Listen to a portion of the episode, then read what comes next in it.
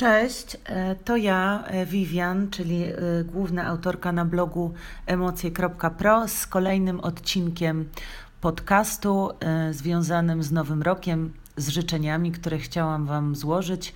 Nagrywała, nagrałam nawet filmik na YouTube, mam nadzieję, że Wam się podoba. Więc zastanawiałam się długo, o czym mam napisać na Nowy Rok bo pisałam już o tym, jak przetrwać Sylwestra, o tym, jak sobie radzić z tymi oczekiwaniami, które mamy wobec tej nocy, która właściwie jest taką samą nocą jak wszystkie inne, a jednak no, każdy ją sobie jakoś wyobraża.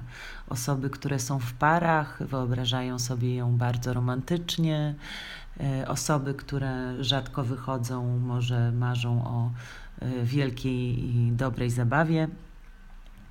Także o tym wszystkim już pisałam, e, ale wiadomo, że w psychologii, w naszym wewnętrznym świecie, niekończącym się, bezkresnym, zawsze jest coś nowego do dodania e, i mnóstwo nowych badań, metod, e, co jest fajne, bo zbliżamy się coraz bardziej do sedna tego, w jaki sposób poprawić trochę jakość naszego życia wiemy na pewno, że trzeba zrobić to od środka. Oczywiście, jeśli macie wśród postawień noworocznych, postanowień noworocznych bieganie, sport, y, no to też jest od środka, od strony fizycznej. To na pewno bardzo pomaga w problemach emocjonalnych.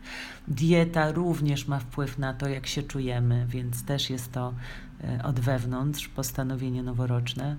Natomiast jeżeli macie w postanowieniach noworocznych y, zdobywanie rzeczy materialnych czy y, dużej ilości pieniędzy, to proszę poszukajcie badań, które zostały zrobione w Stanach Zjednoczonych, a które mm, sprawdzały, jak to jest, kiedy ludzie wygrają ogromne pieniądze na loterii, jak to wpływa na ich szczęście. No i owszem, w pierwszym momencie jest E, poziom szczęścia wzrasta faktycznie, ale bardzo szybko dochodzi do tego poziomu sprzed wygranej. Tak więc możemy zwiększać poziom szczęścia, ale lepiej robić to od środka. No i e, jedną z takich podstawowych umiejętności, którą należy opanować na samym początku pracy nad sobą, podstawowej umiejętności w terapii dialektyczno-behawioralnej, oczywiście, którą się zajmuję, która jest taką terapią, która uczy konkretnych nowych zachowań. No bo zakładamy w tej terapii, że owszem, nasze problemy mogą wynikać z przeszłości, ale przeszłości nie da się zmienić. Natomiast możemy zmieniać się tu i teraz. To właśnie jak reagujemy, jakie są nasze emocje, jakie są nasze zachowania, myśli i tak. Więc tutaj tą podstawową umiejętnością jest uprawomocnienie. Uprawomocnienie, y, można też powiedzieć walidacja, po angielsku to jest validation, y, czy mm, uważnienie, niektórzy mówią.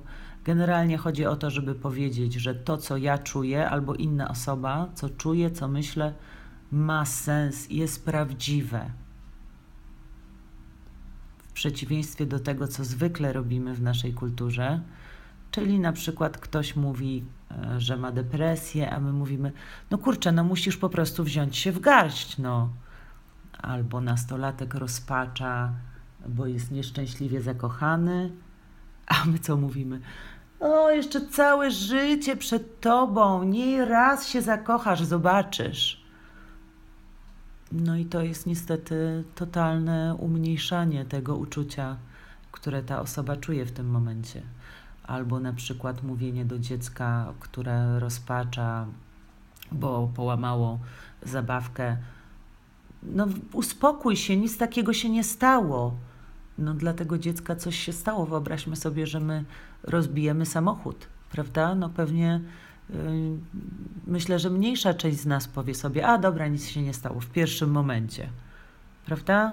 A dziecko, które nie potrafi regulować y, swoich emocji, tym bardziej. Więc to uprawomocnienie w stosunku do innych jest bardzo ważne.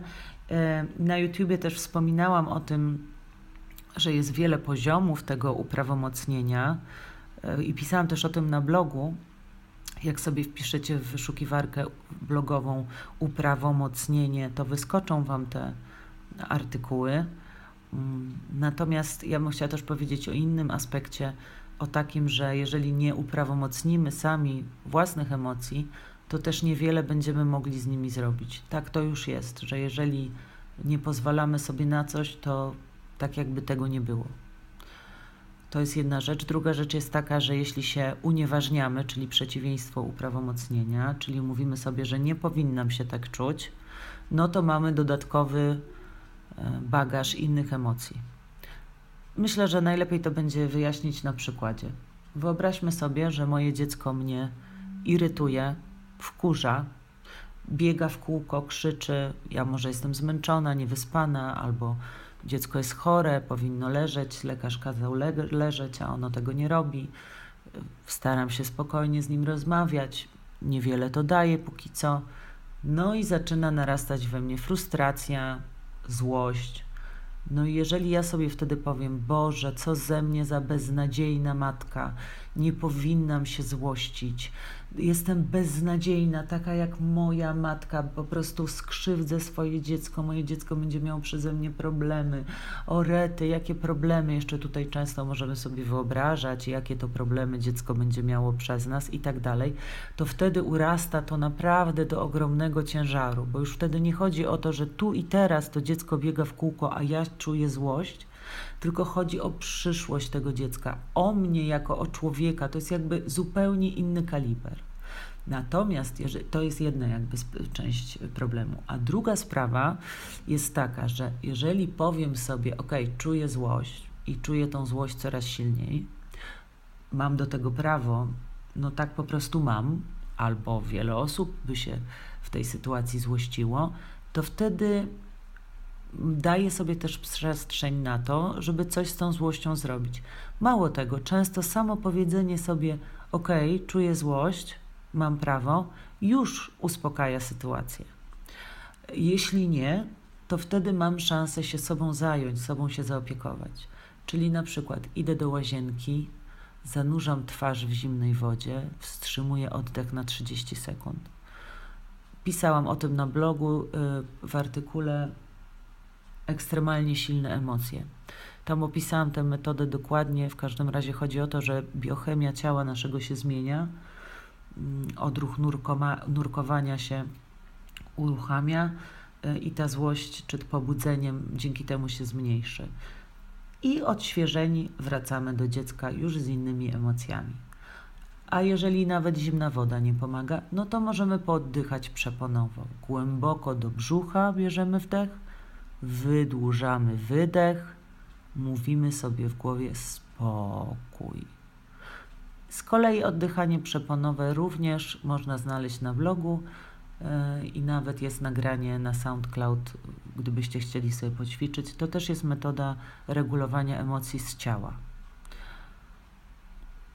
No więc to, o czym jeszcze pisałam w tym artykule, oprócz uprawomocnienia, to też to, z kim w tej głowie się porównujemy.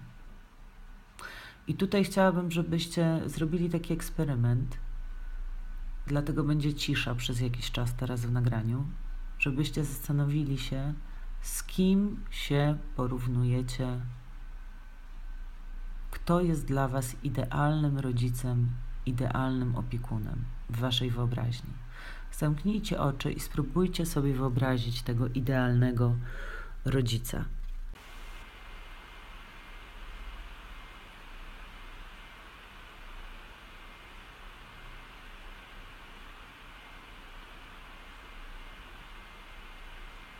No, ja zrobiłam to doświadczenie i zobaczyłam taki obraz e, Matki Boskiej z dzieciątkiem na rękach z takim spojrzeniem pełnym czułości, e, ciepła, zrozumienia. Taki zatrzymany kadr. Nie? Drugim, drugim moim wyobrażeniem to był um, święty Mikołaj, też taki, prawda, z Coca-Coli, uśmiechnięty, um, ciepły, wesoły i tak dalej.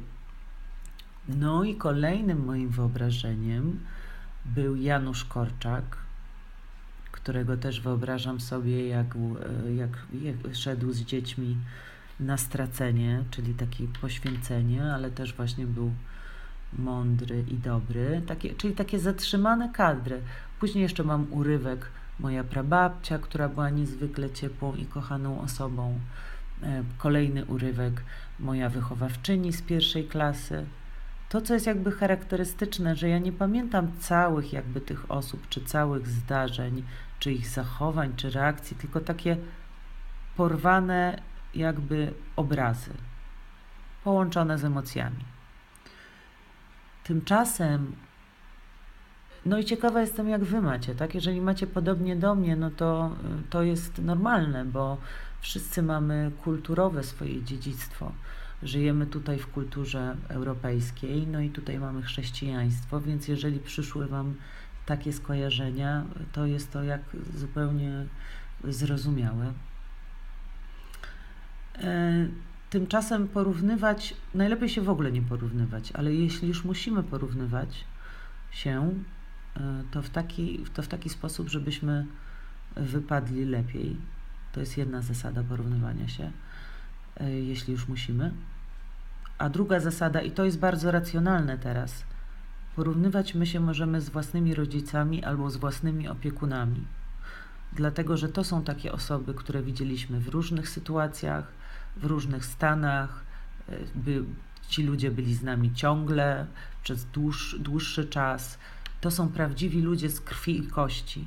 Tamte wyobrażenia to są jakieś postaci nierealne, prawda? Tak samo, tak jak na Facebooku. Wszyscy na Facebooku wyglądamy cudownie, mamy milion zainteresowań, jesteśmy uśmiechnięci, nasze życie jest usłane różami na Facebooku.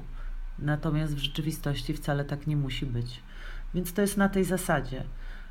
Dlatego pamiętajmy o tym, że porównywać możemy się z, z tym, co my mieliśmy w przeszłości. Więc jeżeli wypadamy lepiej, to nie jest źle.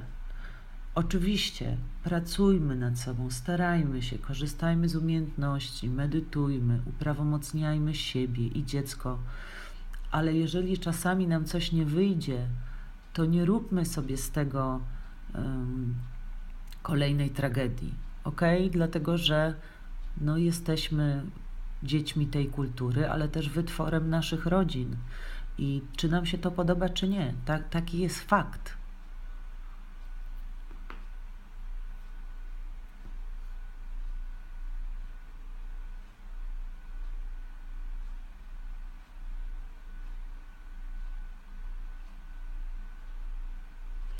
Więc marzy mi się w tym roku, żeby to był rok pod znakiem uprawomocnienia. I e, pod artykułem na blogu mm, wrzuciłam jeszcze slajdy i na YouTubie też wrzuciłam z takimi pomysłami, jak e, uprawomocnić konkretne sytuacje. Wszystkie zaczynają się, że od rozumiem, że czujesz to i to. Poćwiczmy, pamiętajmy o tym. Możemy sobie wpisać przypomnienie w telefonie. To naprawdę jest bardzo ważna umiejętność. Więc życzę Wam cudowności w tym nowym roku i mam nadzieję, że będziecie się uprawomacniać i że będzie dużo, dużo dobrych emocji i że będziecie w stanie być na tyle tu i teraz, żeby je zauważyć i się nimi cieszyć. Do zobaczenia w 2017.